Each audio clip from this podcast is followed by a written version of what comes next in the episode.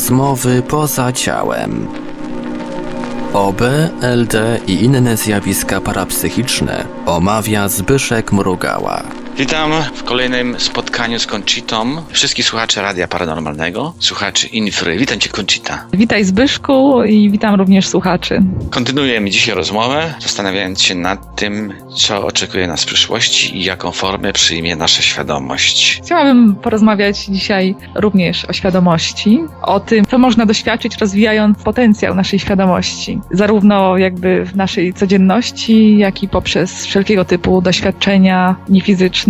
Masz coś na oku? Przypomniało mi się właśnie, tak, nasze trzecie oko tutaj tak zwane um- umożliwia nam dużo pełniejszy jakby odbiór rzeczywistości niefizycznej niż zwykle ma to na poziomie empatii. Zauważyłam, że poziom empatii jest jakby łatwiej dostępny ludziom, szczególnie kobiety wykorzystują go wręcz nagminnie i nie jestem pewna do końca, czy robią to świadomie, ale zauważyłam, że wielokrotnie jakby jestem testowana z poziomu empatii przez kobiety, gdyż akurat tutaj mam zdolność jakby odczuwania tego, więc wiem. To mówimy o trzecim oku tym razem, czy dalej temat świadomości? Co nam bardziej się podoba? Co by pasowało? Bo w sumie z perspektywy trzeciego oka można opisywać zjawiska, które tak czy inaczej przynależą świadomości, tej zmieniającej, rozwijającej się. Mając na myśli trzecie oko, to się mam tak na uwadze wszystkie zjawiska, te paranormalne czy nadzmysłowe. Tak tylko powiedziałem trzecie oko, ale nie chciałem ci sugerować akurat oka. Może być trzeci nos, Trzecie ucho, czwarta noga. Jakiś czas temu zauważyłam, że w miarę oczyszczania właśnie percepcji świadomości zaczyna człowiek dostrzegać coś, ludzie nazywają to światło wewnętrzne. To doznanie jakby jasności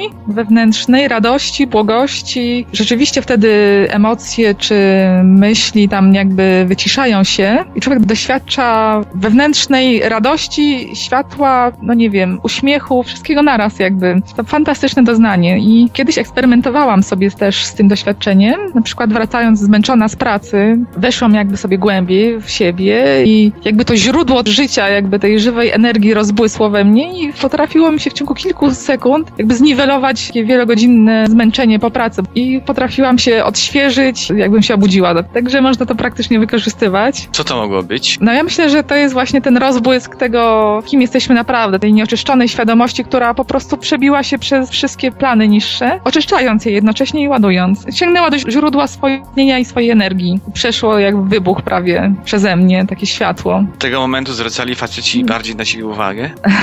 Muszę ci się do czegoś przyznać. Znasz mnie już trochę i wiesz, że lubię eksperymentować. Po prostu nieraz nie mogę się powstrzymać, żeby czegoś jakby nie sprawdzić praktycznie. Postanowiłam wybrać obiekt, który w ogóle na mnie nie zwraca uwagi. Oczywiście faceta. Zaczęłam jakby wchodzić w ten stan głębszy i koncentrować się na energii i na samym świetle. Na tym, że po prostu mówiąc krótko świecę. Siedzę i świecę. A byłam w dosyć dużym tłumie, bo to było coś w rodzaju takiego kameralnego koncertu. Siedziałam w tłumie, niewidoczna, no ale zaczęłam bawić się światłem. Myślałam sobie, ciekawe, czy przyciągnę uwagę. Po iluś tam, nie wiem, minutach. Rzeczywiście ta osoba, na której skupiłam się, zaczęła na mnie się patrzeć coraz bardziej, uśmiechać do mnie. Nabrałem się parę razy już na takie świeczki. Postanowiłam jeszcze posprawdzać to tak kilka razy. Byłam na wykładzie i wykładający nie zwracał na mnie w ogóle uwagi, tylko kierował się do grupki bardziej osób, takich przyciągających jego uwagę ewidentnie. Postanowiłam poeksperymentować. Nie zwracałam w ogóle uwagi na prowadzącego, zajęłam się tam swoim zeszytem, ale zaczęłam sobie gromadzić energię i właśnie wywoływać to lśnienie.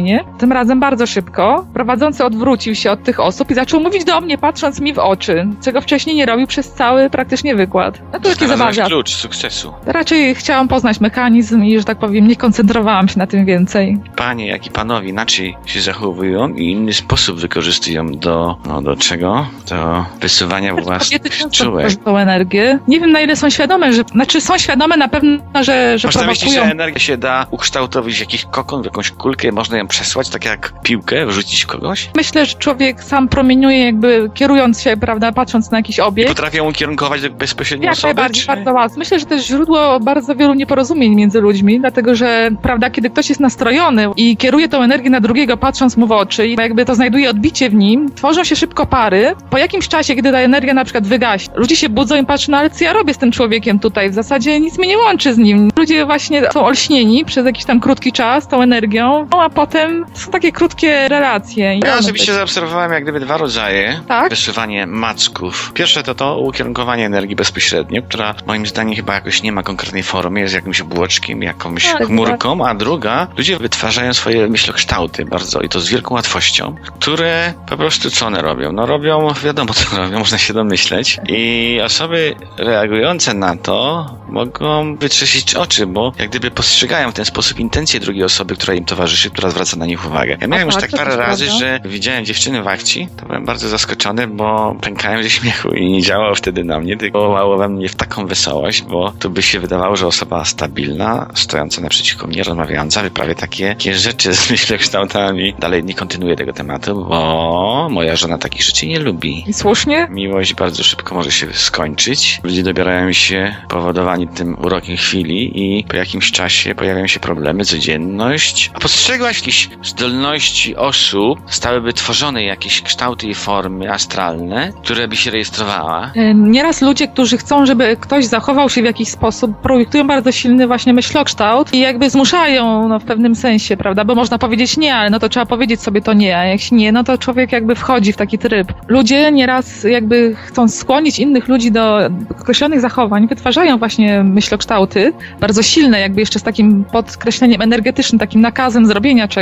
Szczególnie ludzie autorytarni, którzy, prawda, lubią e, kierować innymi, manipulują nieraz nimi. Oczekując, Sorry, wymagając od nich posłuszeństwa. to oczywiście jest bardzo łatwo spostrzec, kiedy samemu odczuwa się jak przymus jakiegoś działania. Można sobie powiedzieć nie i to wtedy wszystko się rozpływa. Urok chwili, czyli ten myślokształt napakowany energią po prostu się rozpływa, ale oczywiście ludzie stosują to na co dzień i nie... Można myśleć nie- świadomie, czy nieświadomie się samo to wytwarza? Jeżeli Ja myślę, że mocną osobowość, Półświadomie, charakter. półświadomie. Półświadomie. Ludzie wiedzą, że mają jakąś tam władzę, lub też nie, lub też zupełnie nieświadomie, projektując coś na innych ludzi, a potem dziwiąc się, ojejku, jak to się stało, że rzeczywiście tak się stało. Rejestrując to zjawisko, mogłabyś nam powiedzieć, doradzić coś tym osobom, które nie zetknęły się z czymś takim, a mają problemy z odmową, z powiedzeniem nie, jak mogą postrzec wpływ takiego myślokształtu wytworzonego na taką okoliczność? Jak postrzec to, jak zarejestrować, jak się przed tym obronić? Wiadomo, najlepiej powiedzieć nie, wypchaj się, nie chcę, uciekaj, znając tą drugą stronę, bo obserwowałaś wielokrotnie te myślokształty, znasz ich reakcje. Co byś im doradziła? Jak się taki myślokształt zachowuje? Jakie kroki podjąć, by się od nich uwolnić? Jeśli czujemy przymus, gdzie ktoś biera na nas silny wpływ, zanim cokolwiek zrobimy, zatrzymajmy się na chwilkę i spójrzmy na to w sobie, ten przymus. Powiedzmy sobie sobie wewnętrznie najpierw nie, zanim głośno w ogóle wykonasz jakąś reakcję na zewnątrz, spójrz na to i powiedz, ale nie chcę tak właśnie tego doświadczać, to wtedy ta energia rozpuszcza się, wtedy jest jakby puste miejsce i możesz wybrać swoją reakcję, nie musisz ulegać wpływom, że ktoś się złości i promieniuje silną energią jakby działania, zróbmy to. Jeśli zatrzymamy się na chwilkę, to możemy odmówić, jakby wy, wykazać wolę indywidualną i powiedzieć, ale nie, ja mam swoją wolę, ja znaczy nie chcę te, tego zrobić. Jeśli powiemy nie najpierw wewnątrz, łatwiej będzie później zewnętrznie wyzwolić się. To byłyby chyba te spontaniczne reakcje, gdzie podjęliśmy decyzję, się okazała fatalna w skutkach, a w sumie nie chcieliśmy tego. Przychodzimy do domu i mówimy, po co ja kupiłem tą kurtkę, ja nie chciałem tych butów, bo mam to. Zanim podejmiemy decyzję, spojrzeć na tą kurtkę, czy ja naprawdę potrzebuję, czy ja ją chcę, kierować się do wewnątrz, zanim ulegniemy tym pięknym słowom, które serwuje nam sprzedawca nas, nie ulegać tym wszystkim obietnicom i manipulacjom. Ja z kolei zetknąłem się z sytuacją, w której wytwarzane myślokształty są bardzo przydatne. Wchodzę na budowę, gdzieś tam mam udekorować wnętrze i rozmawiam z klientem, który nie ma żadnego wyobrażenia, co zrobi w danym wnętrzu. Więc się mnie pyta. Ja zaczynam opowiadać. Zaczynam planować, co zrobię z lewej i z prawej strony i opowiadam. Tu puścimy czerwony paszek, tu zrobimy takie firanki, tu zrobimy obraz, a tu na przykład pomalujemy na niebiesko lub czerwono. I w momencie, gdy ja to opowiadam, ja wytwarzam jak gdyby astralny duplikat tego wnętrza, iluzoryczny, ten zmyślony i wyobraź sobie, co się dzieje, ta osoba nagle się uspokaja. Zauważyłem, że właśnie te myślokształty są w nieświadomy sposób również postrzegane. Te, co ja wytwarzam. Planuję coś, zabudowywuję jak gdyby to wnętrze, wmontowywuję w nie kolorowe plamy i te osoby jakoś je widzą, rozumieją bardziej. Zastanówmy się nad tym, w jaki sposób myślokształty umożliwiają i ułatwiają nam komunikację, bo nie są tylko te złe, namawiające nas, ale są też takie, które umożliwiają nam zrozumienie skomplikowanych zjawisk. No ja Masz myślę, że jakieś to jest- spostrzeżenia? O, oczywiście. Myślę, że to normalnie jest codziennie wykorzystywane przez ludzi, tylko nie do końca sobie zdają z tego sprawę, wiesz. y, Przy normalnej relacji, jakby jakiejś historii, kiedy ludzie opowiadają o czymś, co się zdarzyło, patrzą w przestrzeń, jakby rysują to w przestrzeni i nieraz spotkałam się, że ludzie, którzy słuchają, również patrzą w podobne miejsce w przestrzeni i słuchają jakby z zapartym tchem, albo patrzą w oczy, jakby bezpośrednio, łykając te obrazy, wtedy jakby ta historia bezpośrednio do nas wsiąka. A nie ma wtedy, zauważyłam, nie, autorefleksji, wszyscy są otwarci i zasłuchani. W takich chwilach rzeczywiście bezpośrednio jakby przejmuje się myślokształty. Przypominasz sobie tą historię Bruce'a Moena, który zrobił sobie kulkę z wełny i wyobraźni podstawił ją pod kota, a ten bawił się nią jak z myszką. Pacnął ręką tą kulkę, dokładnie w tym miejscu, w którym on sobie tą kulkę wyobraził. Coś ciekawe, my jakoś mamy to utrudnione postrzeganie tych myślokształtów. Zwierzaki to robią łatwiej, z większą swobodą i łatwością i osoby, które na przykład chciałyby uczyć się rozpoznawać wpływ myślokształtów na nich, może by próbowały przetestować to ze zwierzakami. Można symulować wyjście na spacer i obserwować, kiedy pies już wie, że ten spacer będzie zaraz miał miejsce. Ja kiedyś robiłem coś takiego. Wziąłem sobie kota na ręce i mówię tak, to ja ci przetestuję, czy ty masz percepcję niefizyczną rozbudzoną. No i całkowicie nie wykonuję żadnego ruchu, ale absolutnie nie. Skoncentrowałem się na tym, żeby w ogóle wręcz zasnąć i zaczynam huśtać go astralnymi rękoma. W tym momencie kot, który burczał cały czas, milkł. Zatrzymałem ręce astralne, burczał. Wprawiłem szybko w ruch, a symulowałem wyrzucenie go przez okna. Oczywiście O to, nie, no to nie było okno, bo ja byłem w aucie, a więc A. nie było nawet dla niego żadnym niebezpieczeństwem. On tylko po prostu przestawał wtedy burczeć. I w ten sposób można się upewnić, że myślokształty istnieją, że te iluzoryczne ruchy naszych ciał niefizycznych mają również miejsce. Dobrze się z tym zapoznać, ponieważ to dostarcza nam jak gdyby dodatkowy zmysł. My jesteśmy bardziej chronieni. Możemy wykryć w ten sposób złodzieja, który planuje gdzieś jakiś ruch i chce nam sadzić rękę w torebkę. W tym momencie, gdy on to robi, najczęściej on wytworzy wyobraźni przebieg tego ruchu. On planuje, zastanawiając się, czy teraz lub nie. Ten moment możemy postrzec, chroniąc się przed złodziejem. Kiedyś tak zrobiłem również. Na dworcu byłem, jakiś chłopak chciał mi rękę wsadzić w chlebak. Odwróciłem się, zapiąłem i goniec. Spojrzałem mu w oczy, a on udawał głupiego. A ruch był wyraźnie wyczuwalny, a więc miał chętkę na moje stare bułki przechowywane w chlebaku od tygodnia. Byszku, ja również miałam podobną historię. Będąc w metrze, kiedyś uruchomiłam sobie właśnie percepcję niefizyczną. Akurat to była to sytuacja, kiedy moje dziecko kaszlało, czy miało katar. No w każdym razie coś, co prowokowało osoby dookoła do różnych niefizycznych reakcji. I naprawdę byłam w stanie postrzec ich działania jakby na poziomie astralnym. Tutaj rzeczywiście dużo się działo wokół. Niezadowoleni. Musiałam chronić dziecko, a zaczęli mi atakować dziecko. Jak przeprowadziłaś ten manewr obrony? Musiałam otoczyć je taką czystą energią świadomości, żeby tam te ich jakby ruchy tam nie docierały do tego dziecka. Niech sobie machają, ale żeby to nie dotykało dziecka. Dużo osób robi takie wyobraźnie, jak gdyby szyby szklane, izolujące ich od środowiska, od otoczenia. Też to działa. Najdziwniejsze, że nasze myślkształty, nasze ciało astralne jest jednym z nich i ono będzie tak samo reagowało na przeszkody zmyślone, jak i na te, które będą, nie no, w sumie ona tylko reaguje na przeszkody zmyślone, na wytworzone w umyśle. Tak, to prawda, to się zgadza. Kiedyś pracowałem na dachu i ciało astralne zaczęło mi się wysuwać w lewo i w prawo i podchodząc do krawędzi, a byłem na wysokim dachu, padło mi na ziemię. To miało co najmniej z 4 metry i wyobraź sobie, że wciągnęło mi w to ciało, które już upadło, jaźń. Odzyskałem świadomość na samym dole i mi się sobie spadłem chyba, ale no zdałem sobie sprawę znowu, że ta głupia wypieranka ciała astralnego i wpłynięcie w niej jaźni nastąpiło, więc hyp, cofnąłem się do góry, znowu pojawiłem się na dachu i zacząłem malować. Ale żeby więcej mi nie wypadało, wiesz co zrobiłem? Wyobraziłem sobie dookoła mur ze śniegu, taki na półtora metra. Super to działało, bo ciało astralne było tak siebie pewne, to znaczy ja w tym nieświadomym planie upewniłem się, że mi nic nie zagraża i ono już mi nie spadało. Co ciekawe by było w związku z tym, że osoby, które jeżdżą windą, które mają strach, prawdopodobnie wypierają siebie ten myślokształt astralny, to ciało astralne, ono mi spada najprawdopodobniej w dół albo w górę, albo się huśta, obija się o ściany, co wywołuje to uczucie paniki i strachu. Można byłoby się zastanowić, przy jakich schorzeniach następuje przeżywanie w iluzorycznym świecie własnych obaw. Jest taka choroba, gdzie ludzie mówią, że ruszają kończynami, ruszają rękoma, a, A, tak. ciało fizyczne ich się nie rusza. W momencie, gdy świadomość się rozjaśnia, powoduje rozsprzężenie się tych ciał subtelnych, zaczynają latać, hasać, niezależnie od woli jaźni. Jak je powstrzymać? Jakaś metoda by się przydała. Mhm. Myślę, że można się obronić przed różnymi negatywnymi skutkami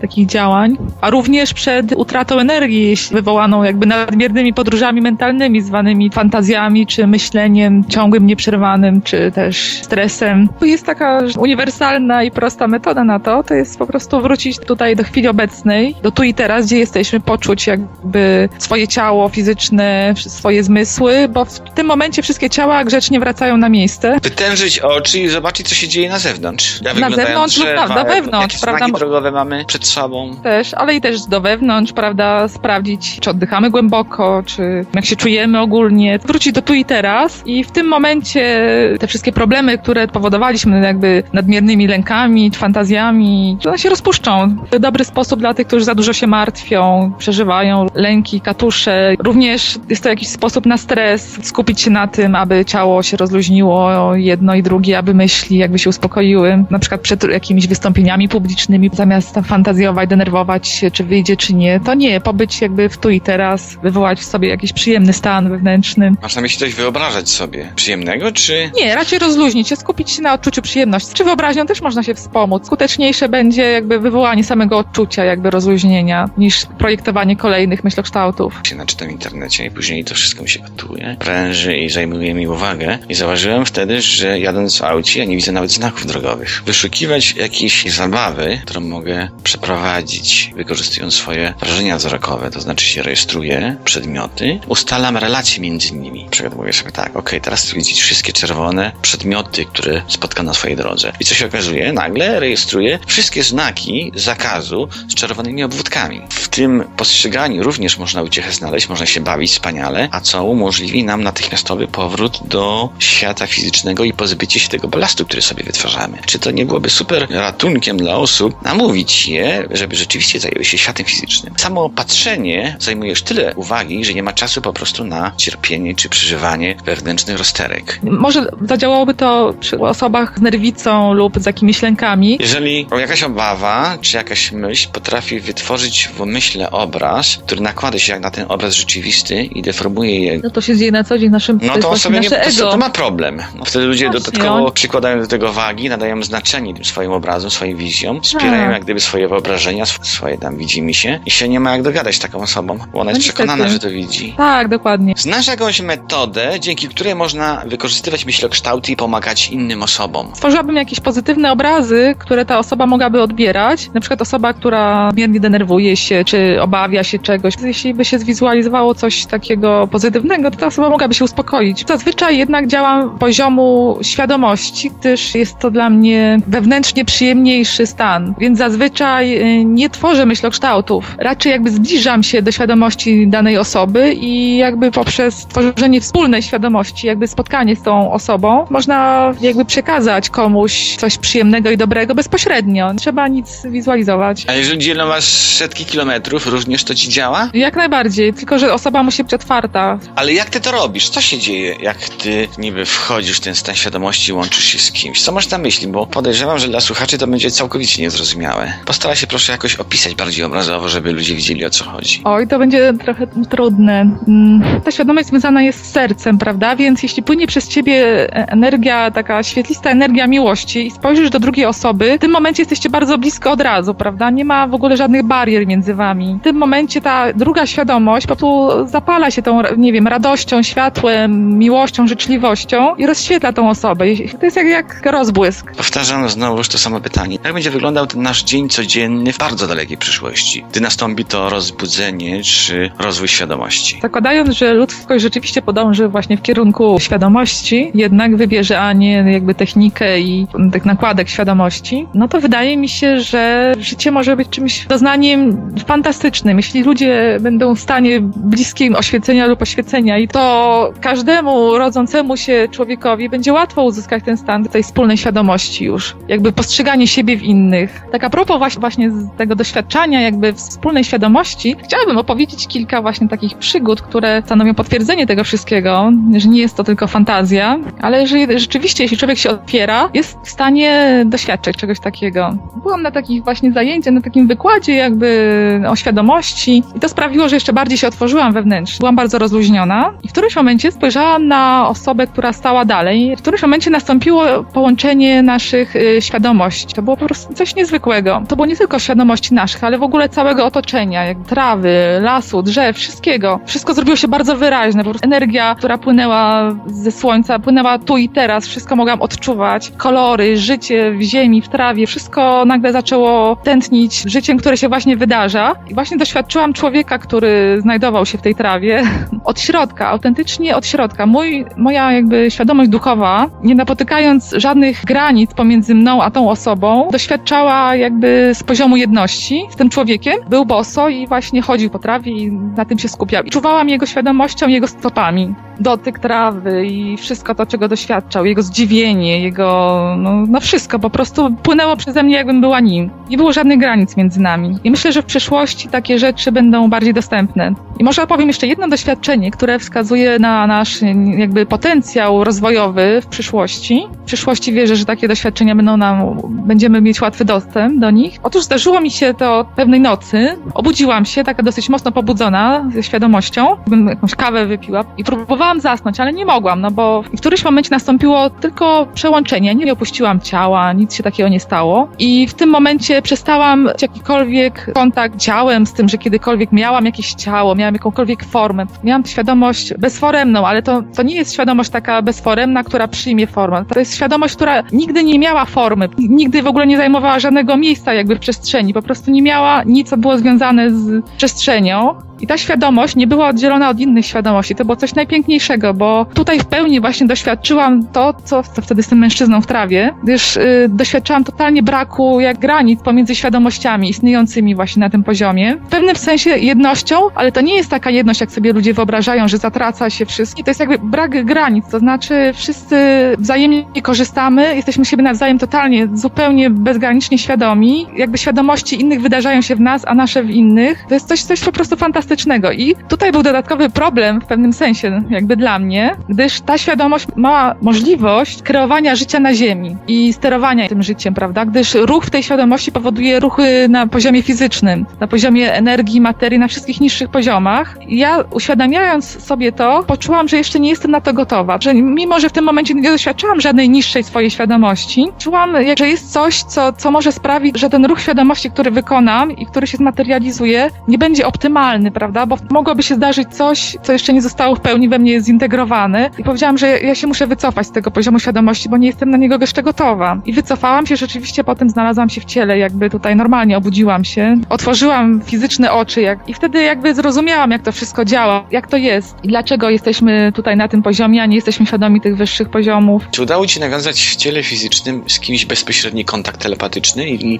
przeprowadziłeś z nim jakąś frustrującą lub budującą rozmowę? Tak, właśnie jest to możliwe, ale jedynie z osobami, które jakby są świadome już na tym poziomie, które już są same sobie w głębi, jakby rozpoznały się. Jest możliwość nawiązywania jakby kontaktów poza czasem i przestrzenią i są to kontakty najpiękniejsze z możliwych. Uważam, że jest to również przyszłość jakby nas jako ludzi. Gdyż dzieje się coś niesamowitego, jakby ponad poziomem myśli. Postrzega się inną osobę jako żywą, wibrującą świadomość, jakby światło, ale jednocześnie, które jest jakby poza nami i jednocześnie w nas i można przekazać sobie wszystko to, co zawsze chcieliśmy powiedzieć tej osobie, przekazać różne nasze odczucia, nasze myśli, kłopoty i problemy i prawda, i ta osoba może nam coś tutaj rozjaśnić, przekazać swoje doświadczenia, skąd typową rotę niby oby, a wszystko ma to miejsce tu i teraz na ziemi, nie trzeba właśnie do tego oby. I ja myślę, że w przyszłości ludzie jakby dojrzeją do tego, gdyż do tej pory udało mi się to z naprawdę z pojedynczymi tylko jednostkami. Więc prawdopodobnie ograniczymy wypowiedzi buzią i będziemy korzystać bardziej z tych nadzmysłowych środków komunikacji. Będziemy się dzielić bezpośrednio od środka. Można wyjaśnić sobie wszelkie problemy, wszelkie nieporozumienia, można wyrazić Twoją miłość, prawda? światło wewnętrzne, można rozwiązać problemy, jeśli skontaktujemy się z osobą, która stoi jeszcze wyżej od nas, z naszymi nauczycielami duchowymi, którzy mogą nas otoczyć swoją opieką. Jest taki bezpośredni kontakt, czymś tak pięknym, tak niesamowitym, że no, życzę wszystkim słuchaczom, żeby doświadczali tego jak najczęściej. Nie ma możliwości przekazania czegoś złego, bo to odbywa się ponad poziomem emocji i zwykłych myśli. Udało Ci się jakieś przeprowadzić wspólne spotkania w ramach no. zjawisk paranormalnych? Kontakty takie na tym wysokim poziomie umożliwiają natychmiastowe właściwie weryfikacje, gdyż y, jakby ten kontakt jest tak wyraźny i tak rzeczywisty, że można sobie przekazać różne rzeczy, a później można takie rzeczy właśnie tutaj potwierdzić sobie fizyczne. No. Podczas poprzednich audycji mieliście możliwość posłuchać Draka i właśnie z Drakiem y, miałam możliwość weryfikacji takich kontaktów i rzeczywiście tutaj nie było żadnych e, rozbieżności. Mieliśmy takie kontakty normalnie siedząc jakby w ciele, czy, czy poza ciałem tak samo, jakby kontaktując się ze sobą, postrzegając swoje śniące ciała niżej, śniące również wspólny sen, a nasze świadomości kontaktowały się w obę bezpośrednio, a i w ciele jakby, że tak powiem, ten kontakt był taki sam. Tutaj jakby tym warunkiem wstępnym jest, żeby osoba, z którą kontaktujemy się, miała jak rozbudzoną już tutaj tą percepcję na tym poziomie i, wierzę, że to jest nasza przyszłość. A jaki rodzaj eksperymentów przeprowadzaliście? Jak nastąpiło to połączenie? Nastąpiło samo w momencie, kiedy pomyśleliśmy o sobie. Człowiek dostrzega w swojej świadomości tą drugą osobę, jakby takie światło świecące i jeśli skupi się na nim, nawiązuje się połączenie. No. Nasza świadomość ogarnia bardzo dużo rzeczy i jeśli na przykład mamy czas, bo prawda, no bo czasami może pojawić się ta osoba w naszej świadomości, ale my nie mamy czasu, bo jesteśmy czymś zajęci, no to jakby nie, nie nawiązujemy połączenia, Albo prawda? nie mamy ochoty. Następuje bezpośrednia wymiana. No najłatwiej właśnie uzyskać jakby potwierdzenia kontaktując się z osobą żyjącą, dostępną jakoś tam w jakiś sposób fizycznie. Wtedy łatwo o potwierdzenie. Tak, łatwo o potwierdzenie, dokładnie. Trudniej, jeśli kontaktujemy się z osobą, którą mamy na przykład kiepski kontakt, jakiś tam, nie mamy na przykład telefonu. A jeszcze trudniej, jeśli kontaktujemy się z osobą niefizyczną. Takie kontakty też miałam i to nawet nie w jakimś głębokim transie czy we śnie, nie. Może opowiem takie ciekawe doświadczenie. Siedząc sobie raz i zastanawiając się nad tą swoją wrażliwością mentalną, bo tutaj miałam jakby nadwrażliwość w którymś momencie swojego życia i ludzie obciążali mnie dosyć mocno swoimi problemami, jakby koncentrowali się na mnie. Ja to odbierałam tą energię i niestety jakoś nie potrafiłam jej nic z nią zrobić, więc siedziały rzeczy wokół i doświadczałam trudności tych ludzi i nie wiedziałam, co z tym zrobić. Zastanawiałam się, jakby miałam z tym problem, prawda? No bo tutaj chcę się cieszyć, ale jak ktoś się smuci tutaj myśli o mnie, to ja już mam zaraz problem, prawda?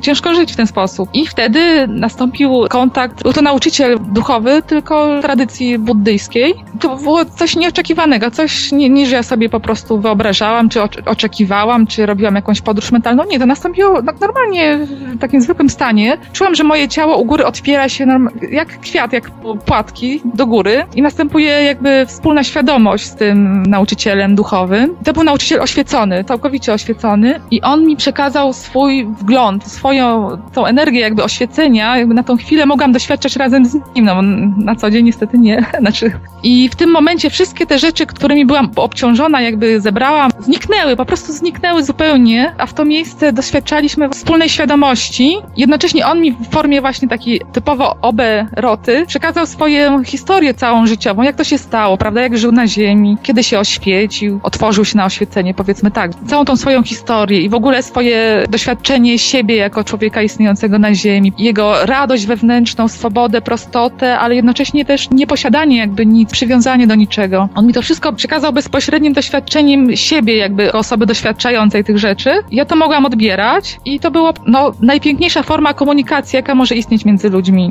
Bezpośrednia, całkowicie pełna, nie, uniemożliwiająca jakiekolwiek nieporozumienie między nami. Później nie miałam już żadnego kontaktu z tym nauczycielem, ale zniknęły te problemy ze zbieraniem właśnie tych y, negatywnych różnych energii emocji z otoczenia, z którymi się tak dosyć mocno borykałam i miałam naprawdę problem z tym. Przypomniało mi się również ciekawe doświadczenie, tym razem doświadczenie poza ciałem, które też dużo mówi jakby o nas i o naszej świadomości. To zaczęło się tak dosyć niewinnie, dlatego że ktoś podał mi rękę niefizyczną, nie widziałam kto, wstałam. W pierwszej chwili miałam problemy z widzeniem, nic nie widziałam, jakby wstałam jakby z ciała, to było już obę. Ktoś dotknął moich oczu i nagle normalnie zaczęłam widzieć i okazało się, że był to mój jakiś tam opiekun, pomocnik duchowy, a obok stała bardzo niesamowita, niezwykła istota, w pełni przebudzona istota. Przemówiła do mnie i powiedziała mi, że, że ja tak naprawdę nie istnieję, nie ma tego, czegoś takiego jak ja. Przeraziłam się w pierwszej chwili. No, Normalnie bym się nie przeraziła, prawda, ale ta istota była przebudzona i jej świadomość łączyła się z moją. Właśnie znowu zaistniał ten kontakt, ten brak jakby granic między naszymi świadomościami, co sprawiło, że ja nie musiałam wierzyć tej istocie. I jej stan wewnętrzny były mi bezpośrednio przekazywane. O tej niesamowitej świadomości ona mi mówi, że to nie istnieje, że, że to tak naprawdę tego nie ma. I ja czuję, że ona ma rację, bo jej świadomość by odtwarza się w mojej, jakby nie ma granicy między nimi. To było coś pięknego. Jeśli otworzyłabym swoją świadomość całkowicie na to doświadczenie, to myślę, że doświadczyłabym w tym momencie pełni świeconej świadomości, przynajmniej no, przez chwilę, prawda, dopóki ta istota była przy mnie. Ale no niestety, właśnie tutaj okazało się, że moje różne przekonania jakby i moje wyobrażenia na temat siebie dały mi się we znaki i mówię, no dobra, prawda, z tym moim podejściem.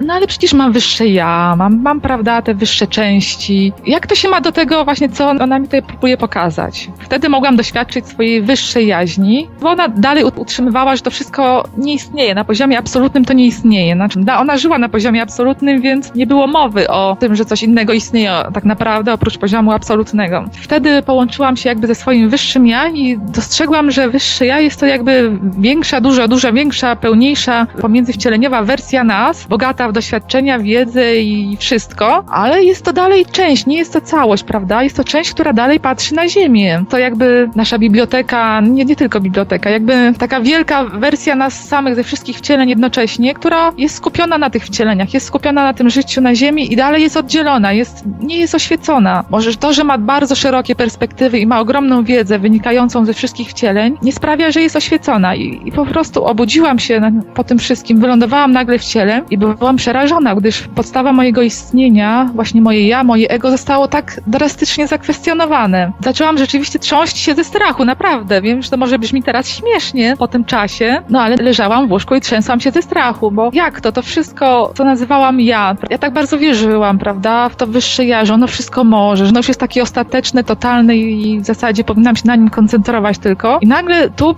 przychodzi jakaś istota oświecona i pokazuje mi, że, że to jeszcze nie wszystko, prawda, że to nie jest ten ostateczny poziom i że to nie jest jakaś wysoka ścieżka, którą należy podążać tysiąc lat, tylko to jest kwestia jakby wewnętrznych wyborów w danej chwili, na czym się koncentrujemy. To było takie oszałamiające i przerażające jednocześnie, bo ja człowiek zna bardzo dobrze siebie, swoją osobowość, nawet przy tych wyższych wglądach swoją jaźń, to zawsze jednak jest to on, prawda? A kim my jesteśmy bez tego wszystkiego? I to wszystko mnie tak wtedy przeraziło. No ale później powoli rozładowałam ten lęk w sobie i zastąpiła go ciekawość. No skoro nie wiem, kim jest poza tym wydzielonym obszarem świadomości, to chciałabym poznać, jakby doświadczyć, sprawdzić, kim ja naprawdę jestem, skoro nie jestem tym, za kogo zawsze się uważałam. Ta droga później jakby prowadziła mnie, ta ciekawość. No nie jestem jeszcze tutaj istotą żadną oświeconą i na razie się nie zanosi, ale dzięki właśnie tej ciekawości udało mi się uzyskać kilka wglądów, o których tutaj właśnie też również opowiadałam. Dziękuję Ci, Conchita, za drugą audycję. Było wspaniale. Czuję się teraz szczęśliwy i zadowolony.